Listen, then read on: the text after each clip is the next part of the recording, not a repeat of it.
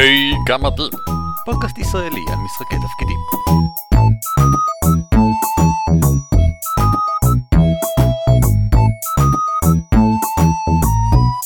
שלום וברוכים הבאים לפרק 158 של הפודקאסט הישראלי העוסק במשחקי תפקידים על כתפי גמדים. שמי הוא ערן אבירם.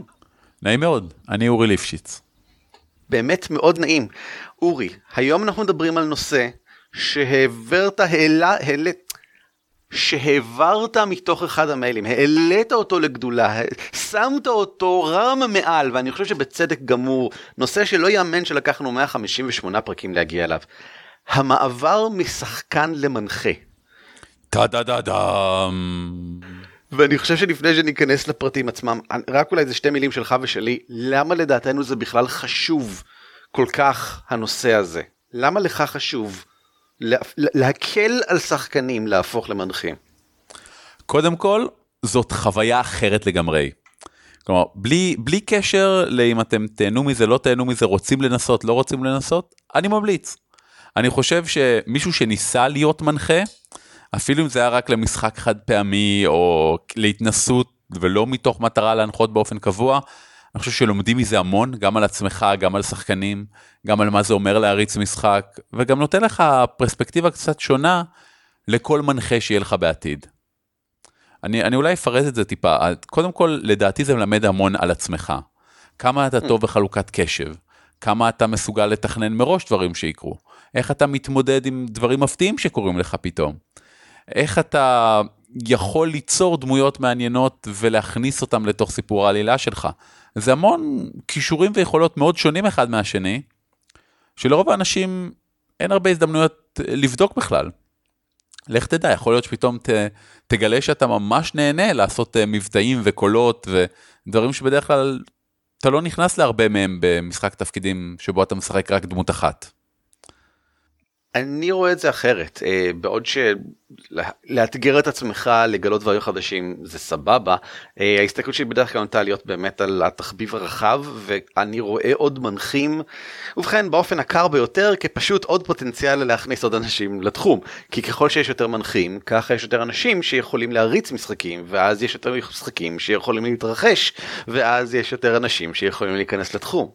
אני חושב שהמעבר של שחקן למנחה הוא גם מעבר טבעי שלדעתי כדאי שכל שחקן יעבור אפילו אם הוא חוזר חזרה להיות שחקן אחר כך מלא. למשל זה בגדול מה שקרה לי. אני את השנתיים האחרונות מעביר בעיקר בתור שחקן ולא כמנחה אחרי שנים ארוכות שבהן לא שיחקתי. ואני חושב שזה מאוד עזר לי כשחקן. אני חושב שזה הנאה גדולה כשחקן אה, אחרי שאתה רואה את הדברים מהצד השני לחזור למשחק כמי שהיית מקודם ו... חוויה מאוד שונה, גם אם אתה לא מחפש לאתגר את עצמך, אתה תקבל לדעתי חוויה מאוד מהנה, יותר חכמה. תוכל לדעת יותר על מה שקורה כשאתה מסתכל על המשחק בראייה הרבה יותר רחבה כזאת. זה נכון, גם יש איזשהו חשש אני רוצה לומר, בקרב שחקנים להגיד לא לא אני, אני לא יכול להנחות, אני לא יודע, אני לא יכול.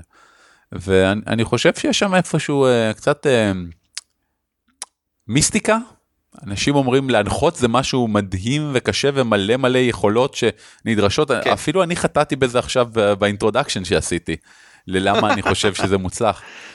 תשמע זה נכון אבל שיש הרבה מיומנויות שונות כאילו גם להיות שחקן יש הרבה מיומנויות שונות אבל המיומנויות של שחקן בדרך כלל ובכן האחריות שלך נוטה להיות בגדול רק על ההנאה שלך מהמשחק בתור המנחה אתה linchpin מאוד מרכזי ולכן המיומנויות שלך יותר רלוונטיות האחריות יותר גדולה אבל כן יש מלא מיומנויות שונות דברים שונים שאולי זה לא נכון להגיד צריך לדעת אבל טוב בוא נדבר על זה בעצם כי אתה, אתה תדבר הרבה גם על העניין הזה. אה, כן אבל אני רוצה להגיד קודם כל אה, לכולם זה כיף וגם אם זה לא כיף לכם במובן של אני לא הייתי רוצה לעשות זה שוב ושוב זה עדיין חוויה נורא כיפית ובאמת שאין. אתה יודע, אנחנו מדברים בפודקאסט הזה המון על איך לשפר משחקים ואיך לעשות דברים יותר מעניינים ועל מיליון ואחד דברים שהמנחה וגם השחקנים יכולים להוסיף. אבל בסופו של יום, אף אחד לא מתחיל מלהיות מנחה דגול. כולם נכון, מתחילים, בוודאי. כן, כולם מתחילים ברמת מתחילים, כמו שאתה יודע, אתה מתחיל לשחק דמות, היא דרגה אחת, והיא יכולה לעשות uh, סט קטן של דברים, ועם הזמן היא לומדת לעשות עוד ועוד דברים.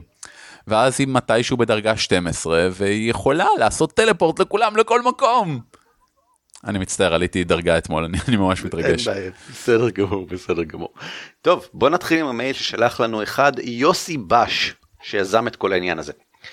ברכות לגמדים ביום המגבת והלילך הוא כנראה שלח את זה ביום המגבת. והלילך. אחרי שזה היה יום הלילך כן סביר. אני מאזין ותיק ואפילו מתייעץ ותיק ועכשיו אני מתחיל להרגיש שאולי אחרי הרבה שנים הגיע זמני לנסות לשהם. אה, מילה שאני לא אוהב אני חושב שעדיף להגיד להנחות וזה גם מה שאנחנו נעשה במהלך הפרק הזה. הייתי שמח לדעת למה עליי לצפות במעבר לצד השני של השולחן. מה נדרש ממני כשהם יותר מאשר כשחקן? עד כמה צריך להשקיע יותר? איזה עוד שאלות אני צריך לשאול ואין לי מושג? אה, ללכת על הרפתקה מוכנה או לבנות משהו משלי? מה ההבדלים בתור שהם בין מפגש פנים לפנים למפגש אונליין? הוא גם נתנו עוד מידע שזה מאוד מועיל, אה, למשל שזאת לא יהיה מדובר בחבורה קיימת, אלא במידה ואקפוץ למים, ארצה להקים קבוצה חדשה מאפס. הוא גם דיבר איתנו על איזה סוג של שיטה ספציפית הוא חשב עליה וביקש המלצות וכן הלאה. אה, אורי ענה לו, אני קצת עניתי לו ועכשיו אנחנו נרכז ביחד את התשובות. כן. בוא נתחיל. לגמרי. אני חושב שלפני הכל חייבים להתחיל בהצהרה אחת מהותית, והיא שאין דרך אחת נכונה להיות מנחה של משחק. זה מאוד תלוי באיזה משחק אתה מנחה, זה מאוד תלוי באיזה שחקנים יש לך, יש מאות דרכים שונות להיות מנחה טוב. זה לא בא בניגוד לעובדה שיש גם מיליון דרכים להיות מנחה גרוע.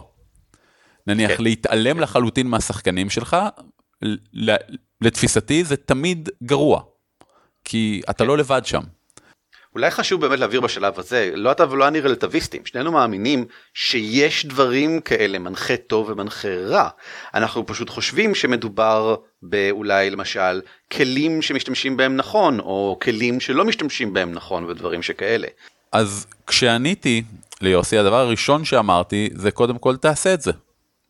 החוויה של להריץ לא, שני. לא, אתה ענית לו באופן מודגש, תעשה את זה.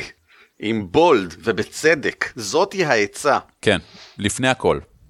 Um, החוויה של להריץ סשן היא נהדרת וכיפית ואני חושב שהוא ילמד המון מלהיות בצד השני של מסך המנחה וכמו שאני תמיד אומר קובייה שלא גלגלת זה תמיד כישלון. אם לא גלגלת התקפה אתה לא תפגע באויב. לא משנה מה. אז קודם כל תעשו את זה. זה כיף, זה נחמד, כן זה ילחיץ אתכם, כן כנראה שהפעם הראשונה לא תהיה הכי טובה בעולם, אבל השנייה תהיה הרבה יותר טובה מהראשונה והשלישית תהיה ללא היכר. נכון. אחרי הפעם הראשונה אתה רואה את כל הדברים שעשית, אתה מבין פתאום, באמת, כמו שאמר אה, יוסי מאוד חכם, איזה שאלות אני עוד לא יודע לשאול, ובשלב הזה אתה כבר מתחיל לענות עליהן לעצמך, לא רק שאתה גם מגלה מה הבעיות שאתה רואה בעצמך, אתה גם מתחיל להבין איך לפתור אותם. ואחר כך גם יכול מאוד בקלות לגשת אלינו, לפורומים באינטרנט, לשחקנים שלך, למנחים אחרים, ולשאול לפתרונות, ואז פעם שנייה ושלישית, פי 700 יותר טובות מהפעמים, מהפעם הראשונה. נכון, וזה מוביל אותי כבר לעצה השנייה שאמרתי לו, שכבר די, די אמרנו, והיא, אל תצפה שיהיה מושלם. כנראה שהמשחק הראשון שלך יהיה חוויה קצת מוזרה, קצת מקוטעת, לא, לא בגלל שאתם כן. לא טובים במה שאתם עושים, אלא להפך, כנראה שתהיו טובים מאוד. אבל כל דבר שעושים פעם ראשונה, פחות מוצלח מהפעם השלישית או המאה. עכשיו, אני מראש מציע להתחיל עם הרפתקה קצרה של 2 או 3 מפגשים. להריץ לאותה קבוצה. קודם כל רואים שיפור ענק בין סשן לסשן.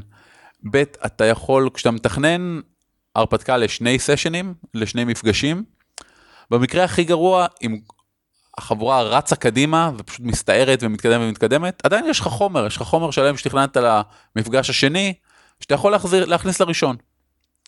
ואם הם מתקדמים לאט, אז תמיד אפשר להוסיף עוד סשן. אבל שוב, את ההתאמות האלה אתה יכול לעשות כי יש לך מרווח. כי לתכנן סשן חד פעמי של מפגש חד פעמי, זה אומנות בפני עצמה ולדעתי, הרבה יותר קשה מלעשות uh, סשן של שני מפגשים. זה נכון, זה, זה, זה מאוד נכון. לפני רגע אמרת שאתה כנראה תהיה טוב מאוד ואני חושב שזה ממש נכון זאת אומרת המון אנשים אני חושב לי זה קורה למשל גם כן עדיין הרבה כשניגשים למשחק אומרים לעצמם או לאיזושהי חוויה שהם עושים פעם ראשונה אני לא עושה את זה מספיק טוב. ומסיימים את זה עם תחושה שזה לא היה ברמה כמו שצריך. אבל זה בדרך כלל בגלל שהציפיות שלהם מעצמם היו גבוהות באופן לא ריאלי. האנשים עומדים ליהנות. אם אכפת לך מספיק כדי להקשיב לפרק הזה, אם היה אכפת לך מספיק כדי לשאול את השאלות האלה, אתה כבר במצב שבו המשחק שתריץ יהיה כיפי. בטוח, זה בכלל לא עניין לשאלה, אתה יכול להיות בטוח לגבי זה לחלוטין. אכפת לך, אתה מביע עניין, אתה במינימום תסתכל על השחקנים ותנסה להתאים דברים שיהיה להם כיף תוך כדי המשחק. בטוח יהיה לך סבבה. אז בסוף, שאל אותם, האם היה לכם כיף? והם יגידו לך שכן, שזה אגב מאוד חשוב בשביל העצה הראשונה שלך, כי זה מאוד עוזר לעשות את זה בפעם הבאה. אם, אם עשית משהו וקיבלת, יצאת עם רושם קקי, ואף אחד לא תיקן לך את הרושם הזה, לא אנחנו עכשיו אומרים לך, ולא השחקנים שלך מתקנים אותך, אז איך תעשה את זה בפעם השנייה? כי אתה חושב שאתה לא טוב. אני, אני קצת לא מסכים איתך פה, כי יכול להיות לא טוב. וואלה, יכול להיות שישאלו אותך שאלות, ו- ותיתקע, ופה, וזה עדיין בסדר גמור, זה לא נורא. כן, זה כן. הנקודה שלי. היו לי לאורך ה... אתה יודע, פלוס מינוס 20 אה, ומשהו שנה שאני מנחה משחקים, אה, הרבה סשנים גרועים. גם בתחילת הדרך כן. וגם בהמשך הדרך. והיו לי סשנים שהיו מדהימים וגרועים, והיו לי סשנים שוואלה, למרות ש... שאני 20 שנה מנחה משחקים, גם השנה היו לי סשנים שהייתי נורא לא מרוצה מהם. זה קורה. כן. זה בכלל לא העניין. סבבה, אני, אז אני אשייף את דבריי, אני אעביר את העניין, אני אתמקד בנקודה, אני חושב שהייתה הכי חשובה מבחינתי, עניין הציפיות. אמ, אל תיכנס עם ציפיות להיות המנחה הכי טוב. ואתה תעשה את זה בכל זאת, ואז תצא מזה, ותגלה שזה לא עמד בציפיות שלך, וזה בסדר גמור. כן, וחשוב לקבל ביקורת, וחשוב, ואני רוצה להתייחס רגע למשהו מאוד יפה שאמרת ערן, פה בקטע של אם אתה מקשיב לפרק הזה ואכפת לך ואתה רוצה לעשות כיף לאחרים, אז כנראה שיהיה להם מאוד כיף, גם אם לא על הסשן הראשון אז בשני או בשלישי. אמ, מהסיבה הפשוטה שאם אתה קשוב ואכפת לך ואתה שואל ומבין מה רוצים, זה מגיע. זה דורש עבודה. זה נכון, אבל זה מגיע.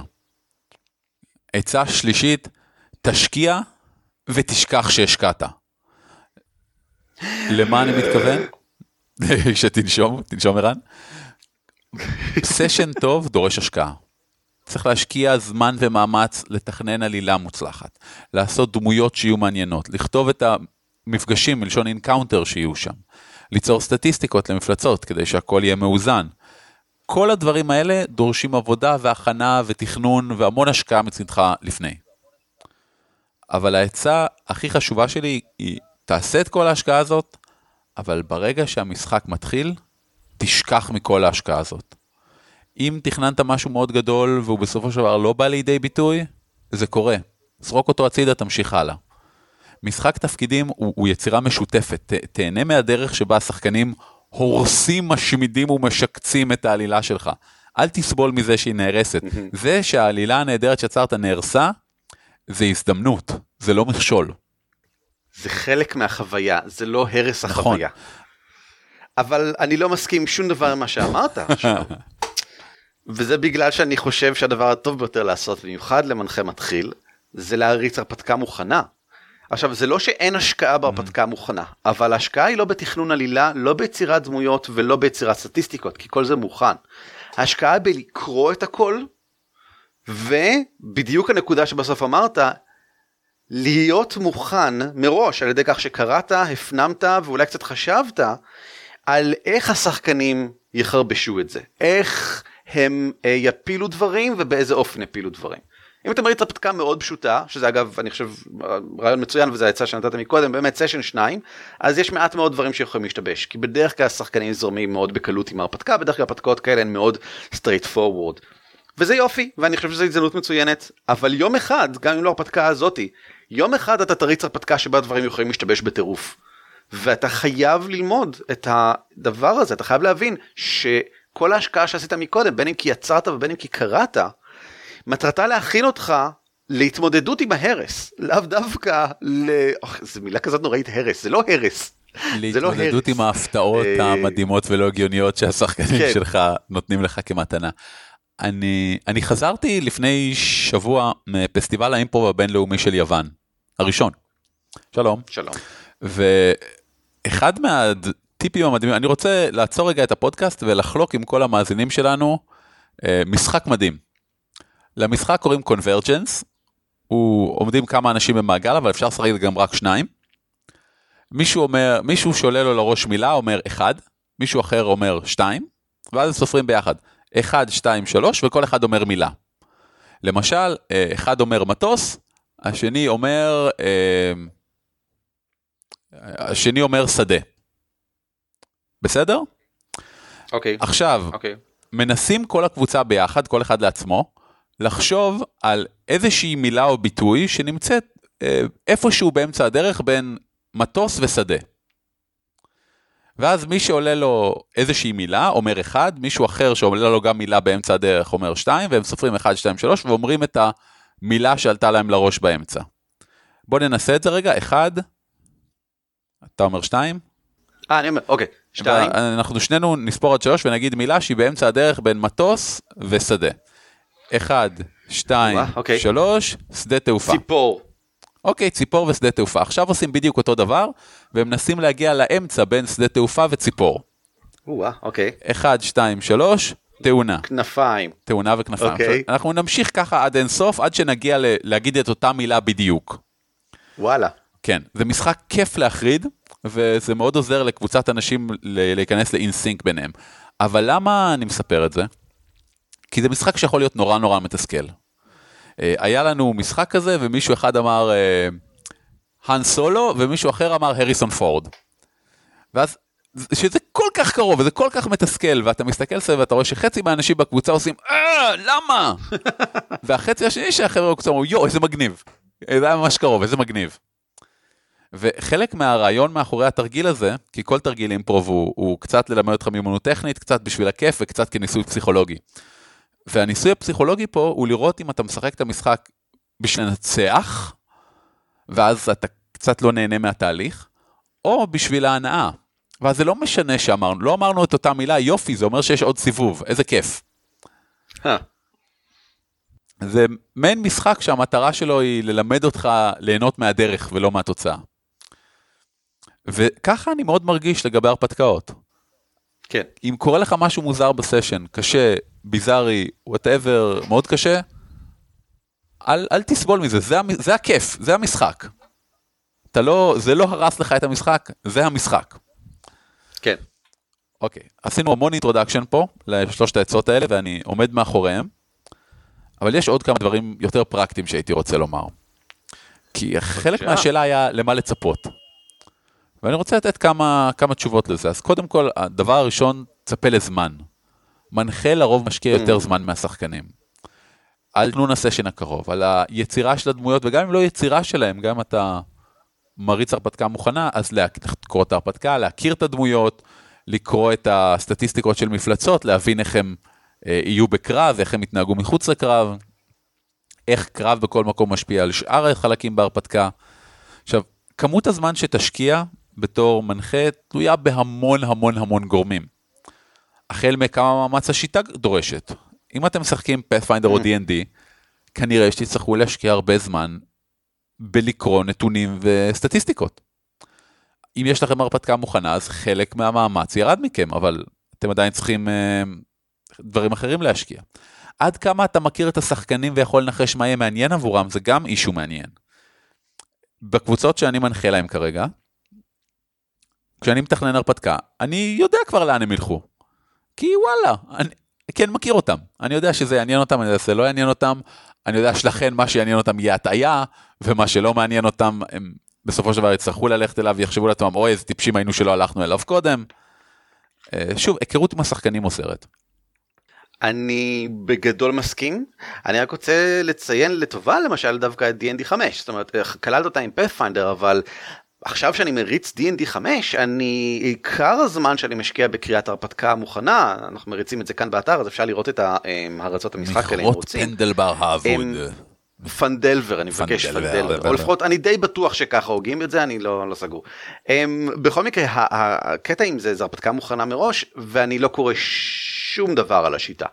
כי השיטה היא מאוד פשוטה במקרה של D&D 5 ויש לי את היתרון המאוד גדול שיש לי שחקן מאוד מעורה בשיטה ומהסוג הנעים. זאת אומרת, אם אתה אה, עושה עבירת חוקים, הוא לא יגיד, אה, זה לא ככה. הוא יגיד, אה, רגע, זה יכול להיות אחרת, זאת אומרת, לפי החוקים זה בגדול ככה, והוא מציע, הוא מבהיר, הוא לא דורש. כמו שתמיד צריך לעשות.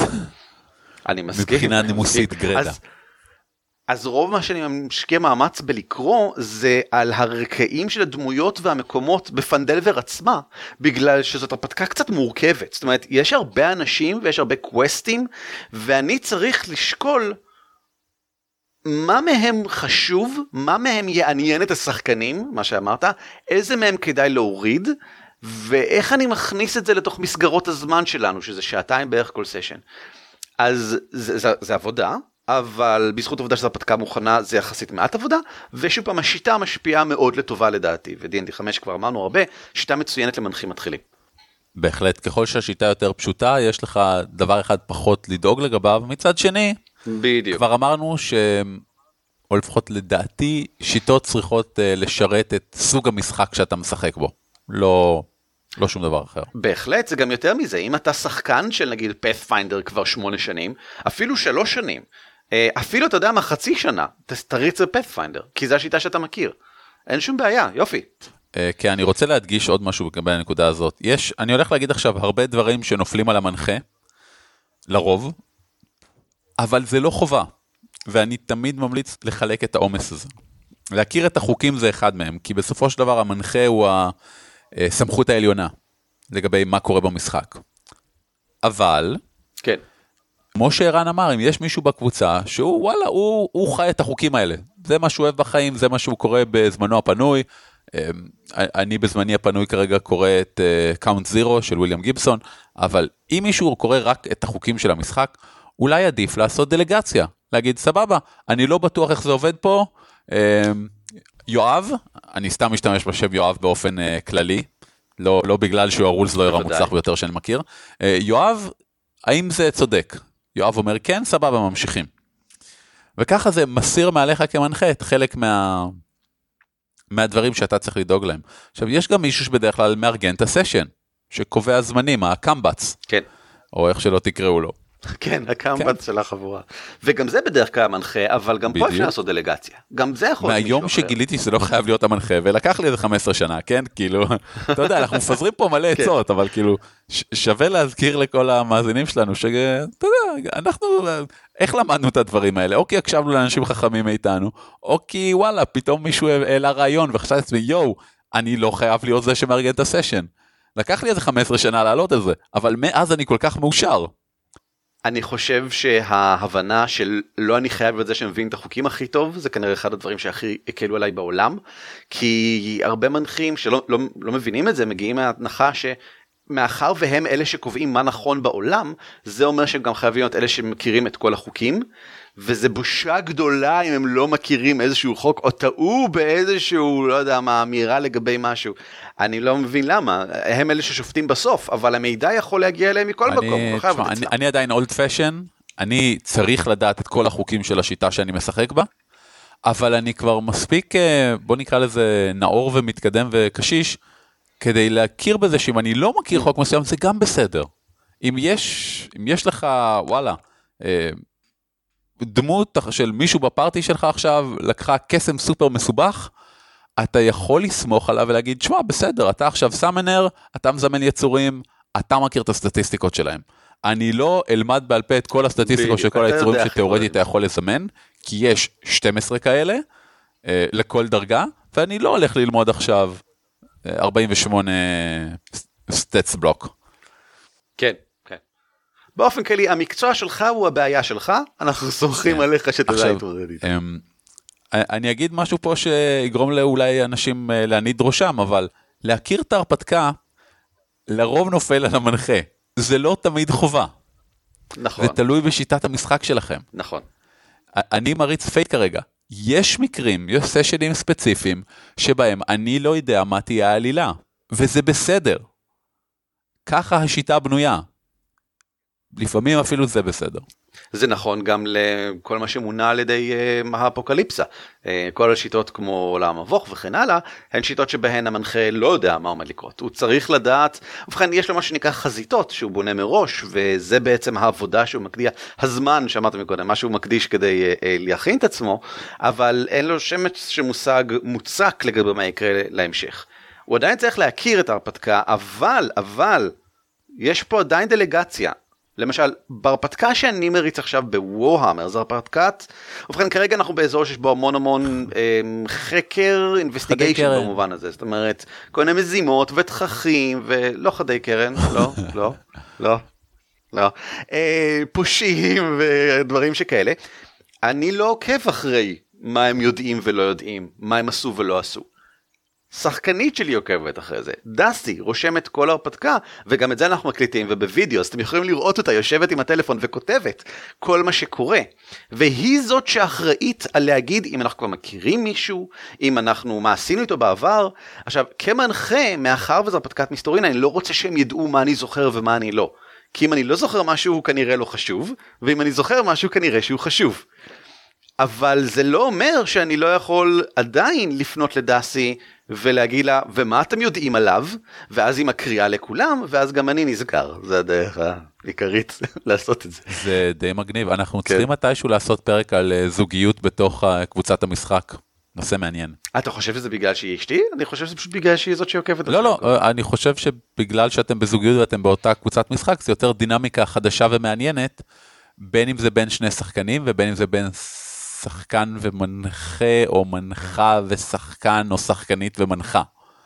בסדר גמור. או כל וריאנט אחר. או כל וריאנט אחר. Um, סבבה, ואני ארחיב את זה גם כן להכיר את ההרפתקה, יכול להיות גם להכיר את העולם.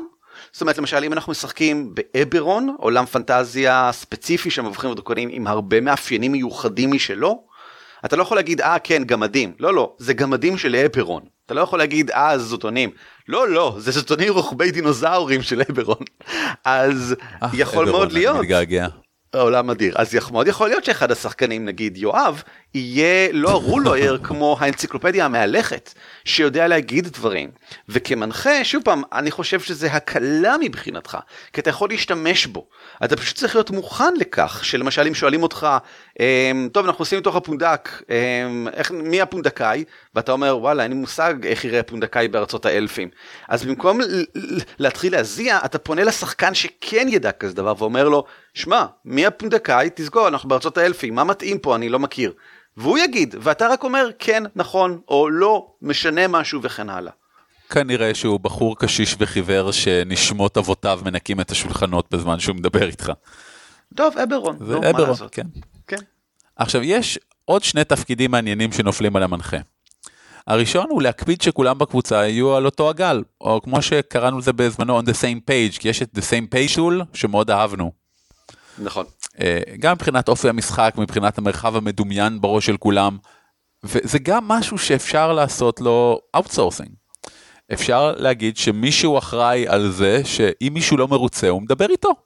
ריכוז תלונות, או ריכוז בעיות, אם, אם אתם לא מרגישים מספיק בנוח אה, אה, לפתוח דברים אה, בתוך כל הקבוצה.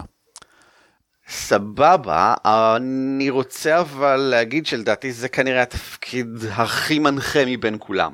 מבין כל מה שאמרת עד עכשיו, ואולי גם בכל מה שתגיד אי פעם. כאילו אני חושב שהמנחה הוא זה שקובע מהן הציפיות של תיאום הציפיות. זאת אומרת, אנחנו כולנו קבענו ביחד, אבל המנחה הוא זה שאחריותו היא לוודא שזה מה שבאמת קורה. Mm-hmm. הוא המדד, כי הוא זה שאומר מה נכון בעולם, מה, מה נכון ב fiction, מה עובדתי.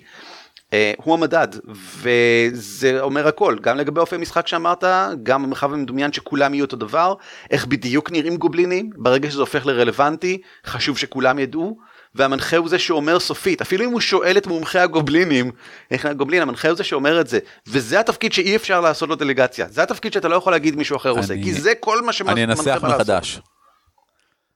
יכול להיות שבתחילת המשחק, וזו סיטואציה שקרתה לי בעבר, הסכמנו שאנחנו משחקים משחק אה, הומוריסטי, בלי תכנים קשים, אה, בלי תכנים מיניים וכדומה. ויכול להיות שהייתה סצנה, שמישהו כזה או אחר מהפארטי אה, נסחף. ועכשיו, יכול להיות גם שזה אתה בתור המנחה. שאתה Mm, בהחלט. מתאר קרב ואתה מתלהב ואז אה, כן האגרוף שלו פוגע, האגרוף שלך פוגע בראש שלו והוא מתפוצץ לאלף חתיכות וחלקי שיניים בכל מקום ואתה רואה ליכה קטנה ירוקה מסביב לנזם שהיה באף שלו שעכשיו צמוד לך בין האצבעות בעוד שזה, תודה, אני שמח. כן.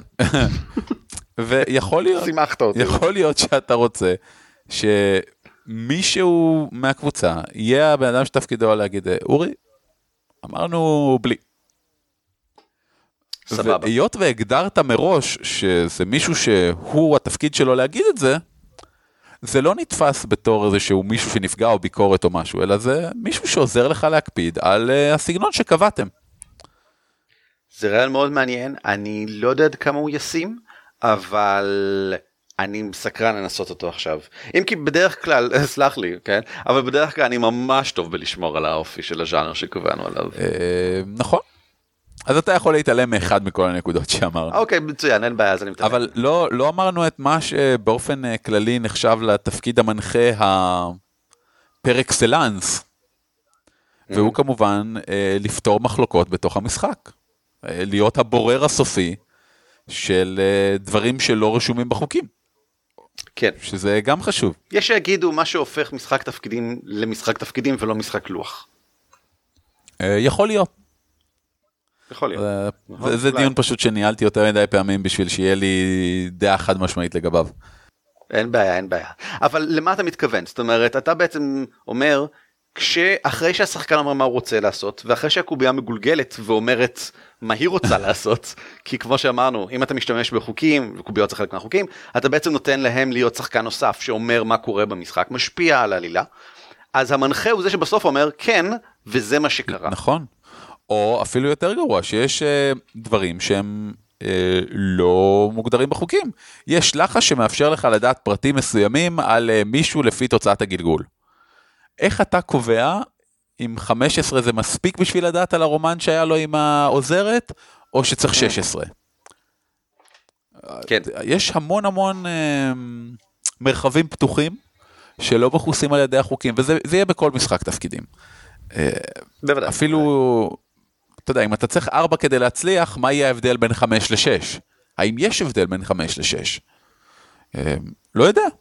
זה לטעמי נופל בום לתוך, אה, מה זה, מה זה תפקידו של המנחה פה.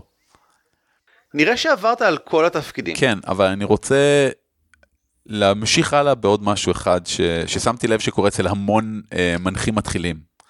אני קורא לזה מלכודת ההתנצלויות.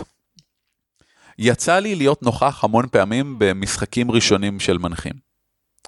אה, ממגוון סיבות. קודם כל זה נחמד ש, שיש אנשים שאתה יודע ש... לי, לי יש קבוצה של כמה שחקנים שאני תמיד מריץ להם הרפתקאות חדשות שכתבתי. למה? כי אני יודע שלא משנה מה ולא משנה כמה מחורבנת תהיה הרפתקה שכתבתי, זה יהיה כיף. כי הם יזרמו ויפתחו וייתנו עצות ואחרי זה אני אוכל לדבר איתם על זה ויגידו לי מה היה טוב ומה היה פחות טוב. אז קהל של אנשים תומכים זה משהו חשוב כשאתה עושה משהו פעם ראשונה. ואחד מהדברים ששמתי לב שקורים הרבה, זה כשאנשים מנחים לא מנוסים הם נופלים למין מלכודת כזה של מעגל התנצלויות לא, לא פוסק. כי, Mm. כי וואלה, אה, טוב, הוא מטיע לכם כדור אש. רגע, איפה החוקים של הכדור אש? אני מצטער, הכנתי את זה אתמול, אבל אני לא מוצא את זה. רגע, אה, ואתה רואה שאנשים כשהם לא מוצאים משהו, אז, אז הם חוזרים על ההתנצלויות שוב ושוב, וזה זה בסדר. כלומר, לא צריך להתנצל כל כך הרבה. אני חושב שזה גם חלק מההנחה של אה, הרבה מנחים שאתה יודע הם תחת הזרקור. כשאתה מנחה אתה טוב אני לא יודע אם גם כשאתה מנחה מנוסה אבל כשאתה מנחה חדש אתה חושב שכל מה שהשחקנים עושים כל הזמן זה להסתכל עליך ולשפוט אותך. כי זאת אחת הסיבות שבסוף אתה חושב שלא עמדת בדרישות שלהם. אתה חושב שהם כל הזמן בוחנים אותך אז לא יכול להיות שאתה עומד בדרישות הכל כך גבוהות האלה. אבל זה לא כל כך נכון. הם מסתכלים עליך כי זה מה שעושים אבל הם לאו דווקא שופטים אותך הם בדרך כלל חושבים על המון דברים תוך כדי. מה הדמות שלי עושה? איך אני אתגבר על הבעיה שהוצבה בפניי? כל מיני דברים שכאלה. מה החוק המתאים? fuck fireball, fuck fireball, fuck fireball. זהו זה מה שהוא חושב עליו בשלב הזה. זאת אומרת אין מה להתנצל על זה שלא מצאת את החוקים לפיירבול עזוב אותך זה לא זה לא מה שמעניין אותם כרגע אמ, לא אכפת להם מזה שלא מצאת את זה קודם יהיה אכפת להם אם זה ייקח לך שלוש וחצי דקות כי אז אתה שובר את הדרמה שזאתי הבעיה כאן אולי אבל אין בעיה בכך שזה פשוט לא ישר מולך. זה נכון זה, זה גם אתה יודע איפשהו זה העניין הזה של אנשים מנוסים לעומת לא מנוסים. ברור שזה יהיה נורא נהדר כשאני אגיד הוא מטיע לכם כדור אש 10 קוף 6 בום טאחס הנה הנזק שלכם. אם ייקח כן. לי טוב, הוא מטיח לכם כדור אש, רק שנייה. אוקיי, זה יהיה 10 קוף 6, בואו נראה איך זה יוצא. בין שני הדברים האלה אין הרבה הבדל, אבל אנשים שעושים את זה פעם נכון. ראשונה לא יודעים את זה, הם ירגישו וואו, רגע, אני צריך לחפש את זה, איפה זה? אה, אוי, שיט, אני מצטער, כן, מסתכלים עליי. רגע, אוקיי. יואו, הרסתי את כל המתח, כל הדרמה הלכה עכשיו, יואו, הכל אבוד. לקח לך אולי שלוש כן, זה... אגב, גם אם לוקח לך חצי דקה, דבר ראשון זה בסדר גמור, בזמן הזה אתה יכול לזרוק לאוויר שאלה אם הם לא מתחילים לשאול בינם לבין עצמם, מה שקורה הרבה. שחקנים ממלאים את החלל בעצמם. וואי, טוב, נו, מה אתם חושבים? הוא יכול לראות כדורי אש, מה דרגה הוא, ואז משנה, וזה וזה, יופי. ואם לא עושים את זה, אז אתה יכול לזרוק משהו לאוויר כדי לגרום להם לדבר בינם לבין עצמם עד שאתה מתחיל. כמו למשל, אה, אורי, תחשוב בינתיים על התור שלך. כן, זה מבחינתי, אה, הטריק המלוכלך שלי תמיד להעביר את הזמן כשאני באמת צריך לחפש משהו, זה להגיד, אה, טוב, אני מקווה שלאור מה שקרה אתם אה, חושבים טוב טוב על מה אתם עושים בסיבוב הבא. זה, זה משפט קסמים, כי לא משנה מה קרה, כולם פתאום, רגע, מה פספסנו? מה פספסנו? רגע. הוא אמר שלאור מה שקרה צריך לחשוב על התור הבא. רגע. רגע, הוא הטיל כדור אש, אז מה הוא לא עושה עכשיו? Hmm. בקיצור, אין לך על מה להתנצל. נקודה אחרונה שאני רוצה להגיד לפני שאתה תגיד את הנקודה האחרונה שלך שם אמ, אנחנו עברנו עכשיו על הרבה כובעים של המנחה הרבה תפקידים שהוא לוקח לעצמו.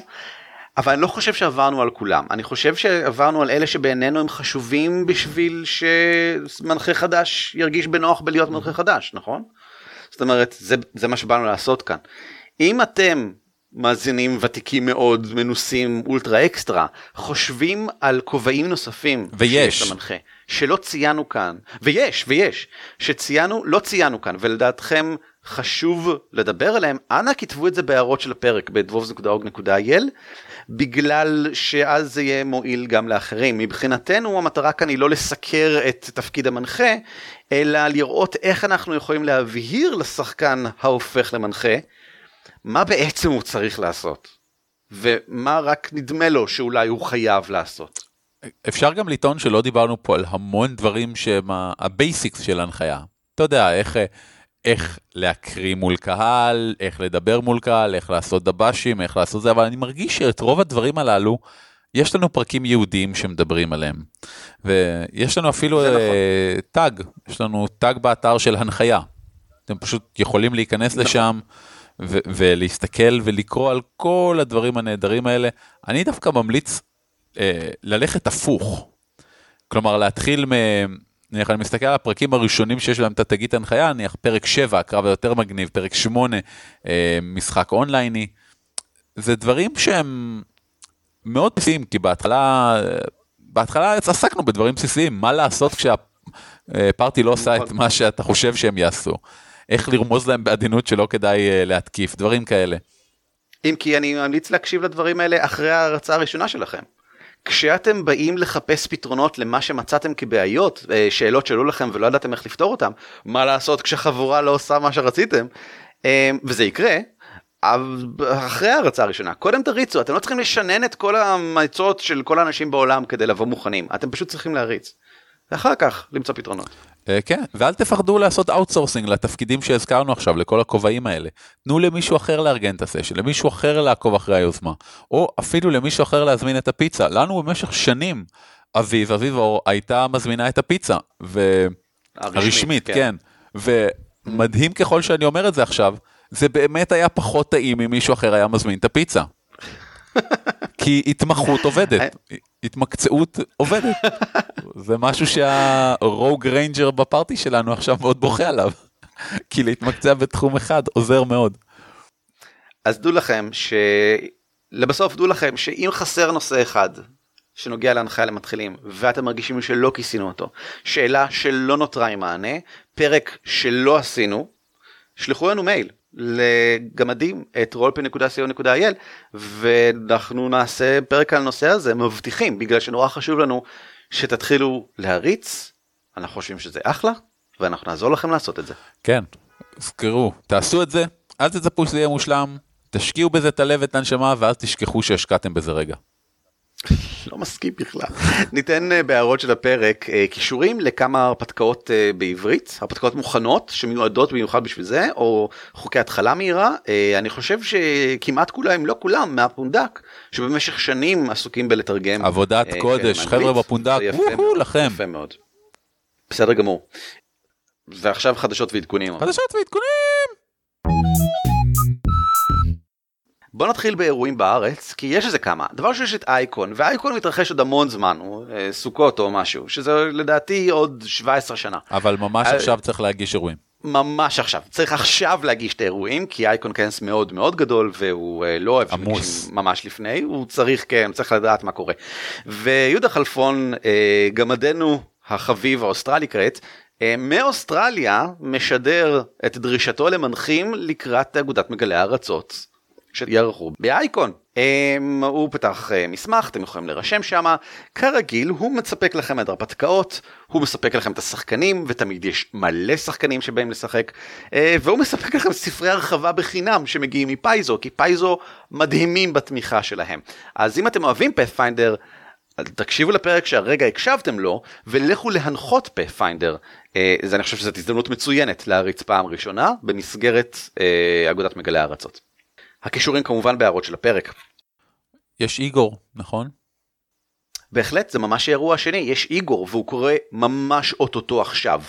ב-30 לשישי, שזה עוד יומיים, שלושה, משהו כזה, מהזמן שבו אתם מקשיבים לפרק, אם אתם מקשיבים באמת ביום שבו הוא עלה, יום חמישי, בתיכון, אני לא מבין את השם, עמית ראשית, עמית ראשית, לא יודע מה, ביגאל אלון 30 בתל אביב, יערך כנס איגור, שזה כנס אה, כמו ביגור אבל קטן לבוגרים. יותר. כמו ביגור אבל קטן, האמת זה הפוך, ביגור זה כמו אה, איגור אבל גדול יותר. זה איגור אבל גדול, כן. ביגור. אה, כן. מגיל 16 ומעלה והעמותה מנסה לקדם קונספט חדש שנקרא שולחני ישראלי שזה בעצם שם לז'אנר שמאפיין הרבה משחקי תפקידים ישראלים אה, מאז שנות ה-90 משחקים שרצים בכנסים כלומר שזה מין חוויה חד"פית טוטאלית כזאת מוסדרת היטב עם הנחיה מאוד מוקפדת בערך אה, בגדול כאילו מיכאל גורדין יסביר במהלך הכנס מה זה יש אפילו הרצאה של בהם מנסים להסביר מה זה שולחן ישראלי ולמה הם חושבים שזה ראוי להיקרא ממש כז'אנר. אמ, וזה מעניין ואם אתם סקרנים אני ממליץ בחום להסתכל על המשחקים. יש הרבה משחקים בכנס זה כנס של אחר צהריים כזה אה, וערב אבל יש מלא מלא משחקים בו. אה, כדאי לכם לבדוק זה משחקים רציניים כאלה, זה, זה לא משחקי קקי, ליגר באים כדי לשחק. בום. עניין אחד אחרון זה מסמך הגמדים החודשי. אה, כל חודש אנחנו נותנים לגמדים שלנו שתומכים בנו, והם בעצם לא גמדים ככה, הם תומכי גמדים. הם הקורות שתומכות במכרה שלנו. אה, יש לנו איזה 20 איש ככה שמספקים לנו ככה משהו כמו 380 ש"ח לחודש אני חושב אורי לא זה המצב כרגע. במימונה. תודה לכל אחד ואחד מכם. אנחנו לא מודיעים לכם באופן אישי, במקום זה אנחנו מודיעים לכם באופן מאוד כוללני, כמו עונש אה, קולקטיבי, רק שזה מסמך קולקטיבי, וכל מי שמנוי... כן, רק לחיוב, ההפך מעונש. קולקטיבי. יש שיגידו. משהו כמו חודש... אפקט השירה של בארד בפאת'פיינדר. בדיוק ככה ככה. שעל זה אגב היה המסמך של החודש שעבר. אמ, והמסמך של החודש הזה הוא שלוש הצעות לתחליפים לשיקויים כי עוד חד פעמיות לא חייבות לבוא דווקא בצורת נוזל. וסיימתי אותו ממש היום ואני חושב שהוא ממש נחמד. אה, זה על דברים שעושים דברים שמפעילים או דברים שנמצאים בתוכך. אה, והם כולם באים כדי להחליף את השיקוי הקלאסי ולדעתי יש שם רעיונות ממש נחמדים. אז אם אתם רוצים לקבל אותו פשוט תהפכו למנויים שלנו עד סוף החודש. אבל אם אתם לא רוצים לקבל אותו אלא לקנות אותו בחמישה ש"ח אפשר גם את זה לעשות דרך חנות של גיבורים בגיבורים אור גייל. אה, אם כי הכסף שם מגיע אליי ולא לגמדים אז החלטה שלכם החלטה שלכם. בום בום בום. זהו תודה רבה לך אורי על כך שיזמת את הפרק הזה כולו ותודה ליוסי בש. בש. שיזם את הפרק עוד לפני שיזם לך את היוזמה לפרק. כן האמת זה, זה מדהים כמה מהחומר שאנחנו יוצרים זה פשוט בתגובה בקשות של מאזינים ואיזה כיף זה לראות ש... כן, בהחלט, בהחלט. כן. להתראות! על כתפי גמדים משותף ברישיון שיתוף ייחוס זהה Creative Commons 3. כלומר, אתם מוזמנים להפיץ אותו היכן ומתי שתרצו, כל עוד אתם נותנים קרדיט למקור. הצוות שלנו הוא ערן אבירם, אורי ליפשיץ ואביב מנוח, וניתן למצוא אותנו באתר שלנו ב-dwarves.org.il, בפייסבוק, בטוויטר או בגוגל פלוס, או לשלוח לנו מייל לגמדים את roleplay.co.il.